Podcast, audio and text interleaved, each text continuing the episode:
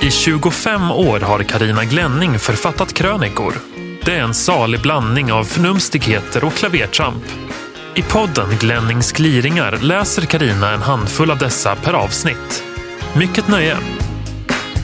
Hej gott folk! Här kommer avsnitt 44 av Glennings gliringar.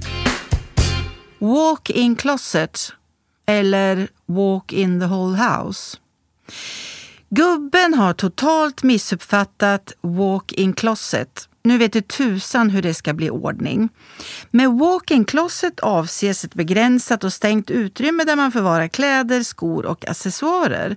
Det får gärna vara stort och ha många speglar. Tanken är att man, fast oftast kvinns skulle jag tippa, kan strosa runt där inne och prova olika klädkonstellationer. Så har inte gubben tolkat modetrenden som sprider sig likt afrikanska gräshoppor. Han kör mera av walk in the whole house. Hela kåken har blivit hans utvidgade garderob. Det är kläder precis överallt. Inte smutsiga. Nej då, de är rena och strukna skjortor i tvättstugan, rena ihopvikta palter på skrivbordet, skjortor skjortor på galgar i hallen och slipsar utspridda på en tre, fyra platser. Bland annat över nyckelskåpet. Dessutom har han kläder i två garderober, en stor och en liten och ungefär 17 par skor som står utspridda överallt i hallen. Sonen är inte ett dugg bättre, men det märktes mindre när jag bara hade en och inte två klädspridare i kåken. I mina herrars beteende ingår även att när de kommer hem placera sina skor precis innanför dörren. Inte lite vid sidan om, utan precis exakt där nästa människa som kommer hem gärna vill stå och ta av sig sina skor. Så jag fick tips att iscensätta göra samma sak-metoden och därmed förhoppningsvis sända en signal. Ni vet, ungefär som den där skrönan om mamman som när ungen låg och gallskrek på golvet i affären för att han inte fick godis slängdes ner hon också på butiksgolvet och gallskrek. Varpå ungen ska ha tystnat, tagit sin mamma i handen och lugnt sagt att det var dags att de fortsatte att handla. Men nej. När jag placerat tre, fyra par av mina egna skor precis innanför ytterdörren tog mina herrar sonika bara ett kliv över dem och placerade sina skor innanför mina. Så till slut var det en meter skor att längdhoppa över för den som kom hem sist. Varför gör du på detta viset? Är det ett sätt att markera revir? En palta i varje rum, alltså finns jag. Vad ska jag göra härnäst? Bära ner alla klänningar och ha dem hängande i gardinstängerna i vardagsrummet? Lägga tröjor i högar över halva matbordet? Ha mina nylonstrumpor i mikron? Lägga nattlinnen som små halkiga mattor i trappan? Stapla underkläder på köksbänken mellan kaffebryggaren och brödburken? Ah. Kvinnors sätt att sända signaler förresten. Vid min ålder borde man ha insett att den typen av kommunikationssätt befinner sig på en frekvens som de avsedda mottagarna ändå aldrig får in. Det är något kall med deras kalibrering. Ta för böven undan de här jävla skorna innan jag blir galen! hade förmodligen fungerat mycket bättre. Aktiv val, aktiv handling, bla bla bla. Den som önskar mig en ond bråd död ska placera mig på ett statligt verk. Jag är garanterat väck före min 53 födelsedag. I mitten av oktober förlorade jag mitt körkort. Det var bara borta ur plånboken. Jag gjorde en förlustanmälan via Transportstyrelsens hemsida och fick hem en talong för att ansöka om ett nytt. Klistrade dit en bild, betalade in 150 kronor, var snabb och duktig. En vecka senare hittade jag mitt körkort i gruset på uppfarten där hemma. Fråga mig inte hur det gick till, ibland händer konstiga saker. I alla fall mig. Jag ringde Transportstyrelsens kundtjänst och en vänlig människa meddelade att det var inga som helst problem. Det är sånt som händer. De 150 kronorna som jag betalat skulle automatiskt sättas tillbaka på mitt konto. Ytterligare några dagar senare fick jag ett brev från verket där det uppgavs att det foto jag skickat in inte dög. Det innehöll för många pixlar. Jag ombads skicka in en ny ansökan med ett annat foto. Eftersom jag hittat mitt körkort och talat med kundtjänst så gjorde jag inte det. I slutet av oktober fick jag ett brev från Transportstyrelsen daterat med fel år, fel månad och fel dag. 2012 11 15. Min födelsedag, fast förra året. Citat. Då betalning har kommit in kan Transportstyrelsen inte ta bort din förlustanmälan och du måste fullfölja tillverkningen av ditt körkort. Slutcitat. Jag ringde Transportstyrelsen igen. Hej hej! Jag vill inte ha något nytt körkort. Jag har hittat det som var förlorat och enligt en kollega till dig skulle de 150 kronorna komma tillbaka till mitt konto. Det går tyvärr inte. Går inte? Det är väl bara att ta bort förlustanmälan? Nej, du har gjort en aktiv handling. Ja, det var ju borta, men nu är det inte det längre. Tyvärr. Vi hade kunnat inhibera förlustanmälan om du inte efter ditt aktiva val, det vill säga förlustanmälan, gjort en aktiv handling, det vill säga inbetalningen. Va? Ja, du har betalat in 150 kronor. Men snälla människa, kan inte du göra ett aktivt val och därefter en aktiv handling? Ta de 150 kronorna och köpa glass till dina ungar. Nej, ditt nuvarande körkort är förlustanmält och eftersom du efter det aktiva valet gjorde en aktiv handling är ditt körkort förlustanmält och därmed ogiltigt till och med 2019 08 11. Ursäkta, men det här är ju sinnessjukt.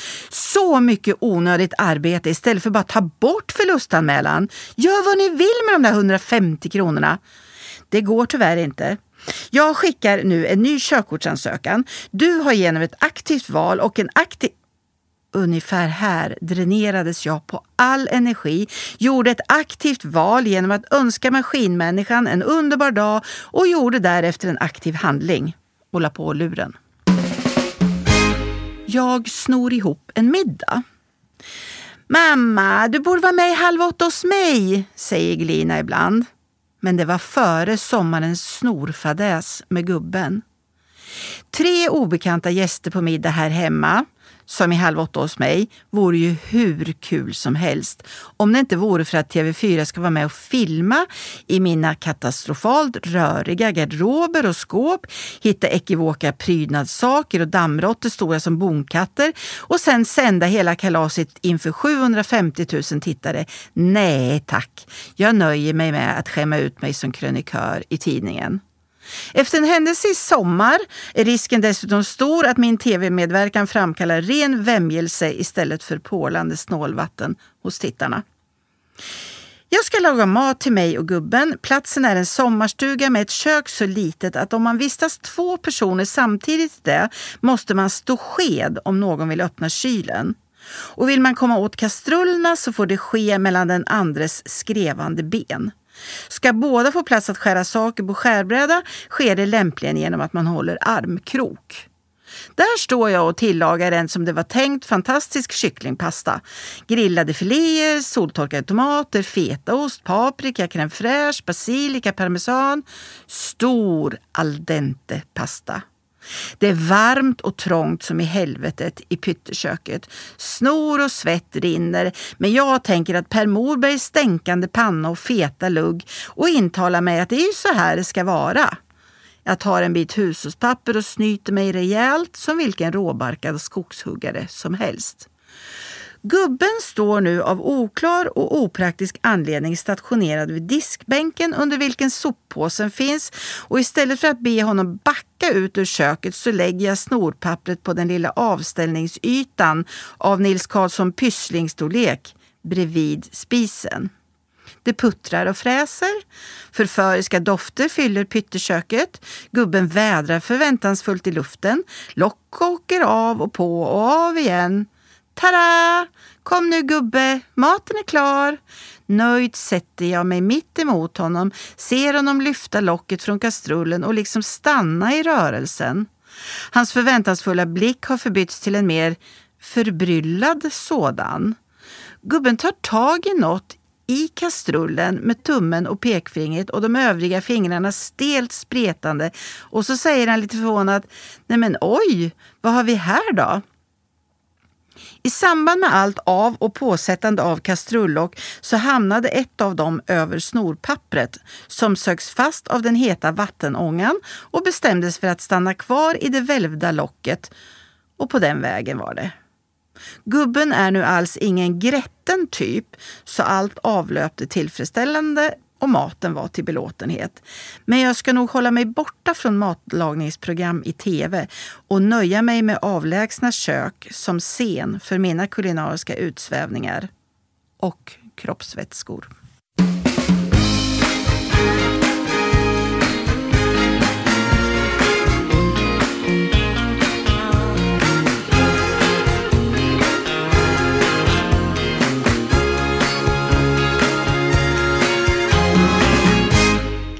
Låt oss göra matuppror.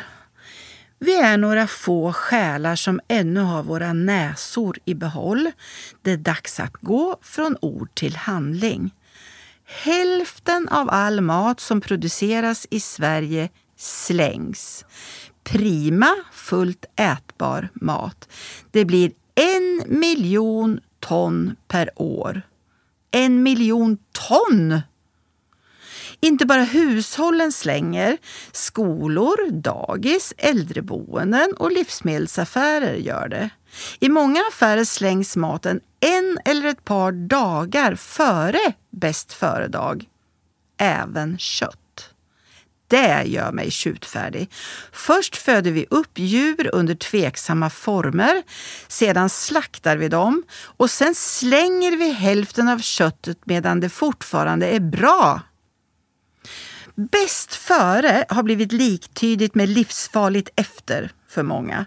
Som om det skulle betyda sista förbrukningsdag och maten därefter obevekligen börjar ruttna.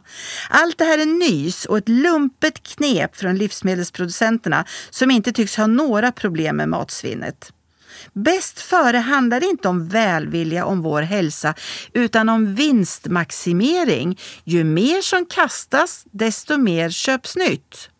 Lägg därtill att dagens högteknologiska livsmedelsframställning är en gigantisk miljöbov som står för 50 procent av den totala övergödningen och 25 procent av den totala klimatpåverkan. Hur ska man få unga människor som påstår sig vara miljövänner att begripa det här? Bortsett från vissa bakterier är det stört omöjligt att få i sig otjänlig mat. Den stinker och smakar illa. Men vem vågar lita på sina sinnen längre? Jag tycker vi startar en rörelse. Vi tipsar varandra om i vilka affärer man ska handla helt enkelt. Vi hyllar butiker som sätter ned sina varor kraftigt en eller ett par dagar innan bäst före inträder. Vi samlar på oss information och startar en Facebookgrupp. Vilka är Östergötlands bästa butiker när det gäller att minska matsvinnet och sälja billigt istället för att slänga? Det är ju för jössnan bara att tillaga direkt eller slänga in grejerna i frysen för oss konsumenter. Här följer nu livsmedelsproducenternas egna uppgifter om hur länge maten egentligen håller sig. Lyssna bara. Mjölk håller upp till en vecka efter bäst före-datum. Ännu längre om den är oöppnad. Skivad skinka har minst fem dagars extra hållbarhet. Ännu längre om den förvaras i fyra graders kyla. Ost blir bättre ju längre den lagras. Möglet ligger på ytan och är bara att hyvla bort. Precis som man gör i ostaffärerna. Bröd kan man äta tills det möglar, vilket ju syns väl. Falukorv har minst fem dagars extra hållbarhet. Ännu längre om den förvaras i fyra grader. Ägg märks alltid med bäst före-datum 28 dagar efter värpning, men håller minst en månad till. Juicen håller minst två veckor efter bäst före-datum eh, och ett kryddmått räcker för att känna om den är dålig. Tillagad mat håller sig åtminstone en vecka i kylskåp. Och hör sen. Vilka är vi och vart ska vi? Gud vill uppenbarligen inte att jag och gubben lämnar hemmasocknen. Varje gång vi gör det händer konstiga saker. Aldrig ska jag glömma debaclet när vi skulle till Polen sommaren 2012. Fryntligt rattade gubben bilen ner till Trelleborg för avfärd mot Gdynia. En veckas bilande längs Polens kust låg framför oss. Eller kanske inte förresten. Det fanns nämligen ingen färja till Gdynia. Och när gubben halade upp biljetterna visade sig att det var från Karlskrona båten gick. En trevlig stad exakt 240 kilometer från Trelleborg. Vi skulle aldrig hinna, men vi gjorde ett försök. Gubben körde som en galen Schumacher och sladdade in framför färjan 20 minuter efter ordinarie avgångstid. Tack och lov var färjan försenad. I höstas var det min tur att vara semestersabotör. Jag lyckades glömma min handväska med pass, pengar, returbiljett och visakort på flygplanet i Bologna. Efter en nervös timma där vi dystert såg Toscana-trippen försvinna i fjärran återfanns väskan och vi slapp bege oss till svenska ambassaden i Rom för att fixa ett nytt pass. Det är bara bra när det går lite lagom åt skogen, brukar jag intala gubben när sånt här inträffar. Då minns man resan bättre i efterhand och kan skratta åt eländet. Ja, gubben verkar mer vara inne på att vi nog ska överväga att anlita en personlig assistent när vi dristar oss till att korsa kommungränsen. I helgen var det dags igen. På fredagen hälsade vi på gubbens brorsa i Malmö och på lördagen skulle vi ta en minitur till norra Tyskland. Via booking.com hade vi bokat ett mysigt hotell. Glada i hågen körde vi mot Öresundsbron bara för att upptäcka att den var avstängd på grund av storm. Kanske skulle den öppna om ett par timmar, kanske inte. Äh, vi struntar i Tyskland och åker hem istället bestämde vi. Men så kom vi på att vi hade bokat hotell och studerade nu bokningen för att se om det gick att avboka rummet. Jo då, men i så fall var vi tvungna att betala 80 procent av hotellnotan det vill säga 800 spänn. Det kändes ju lite onödigt så nu styrde vi återigen om planerna och bilen och drog västerut mot Helsingborg istället. Färjor kan man ju lita på. I alla fall så länge man beger sig till den ort de avgår ifrån. Två färjeturer och ett par timmars bilåkning senare parkerade vi utanför hotellet i Burg, traskade in och berättade att vi bokat ett rum. Nein, das stimmt nicht. Booking.com hade gjort fel och överbokat. Det fanns inga lediga rum. Alltså. I och med omdirigeringen slapp vi nu att betala 80 procent av notan för ett hotellrum vi ändå aldrig hade haft. Hotellägaren hjälpte oss dock storsint med ett rum på ett annat hotell utan reception och med en dam som kom och låste upp ytterdörren. Men vi ger oss inte så lätt, gubben och jag. Ikväll ska vi till Krakow. Eller kanske blir det Kramsjö. Man vet aldrig.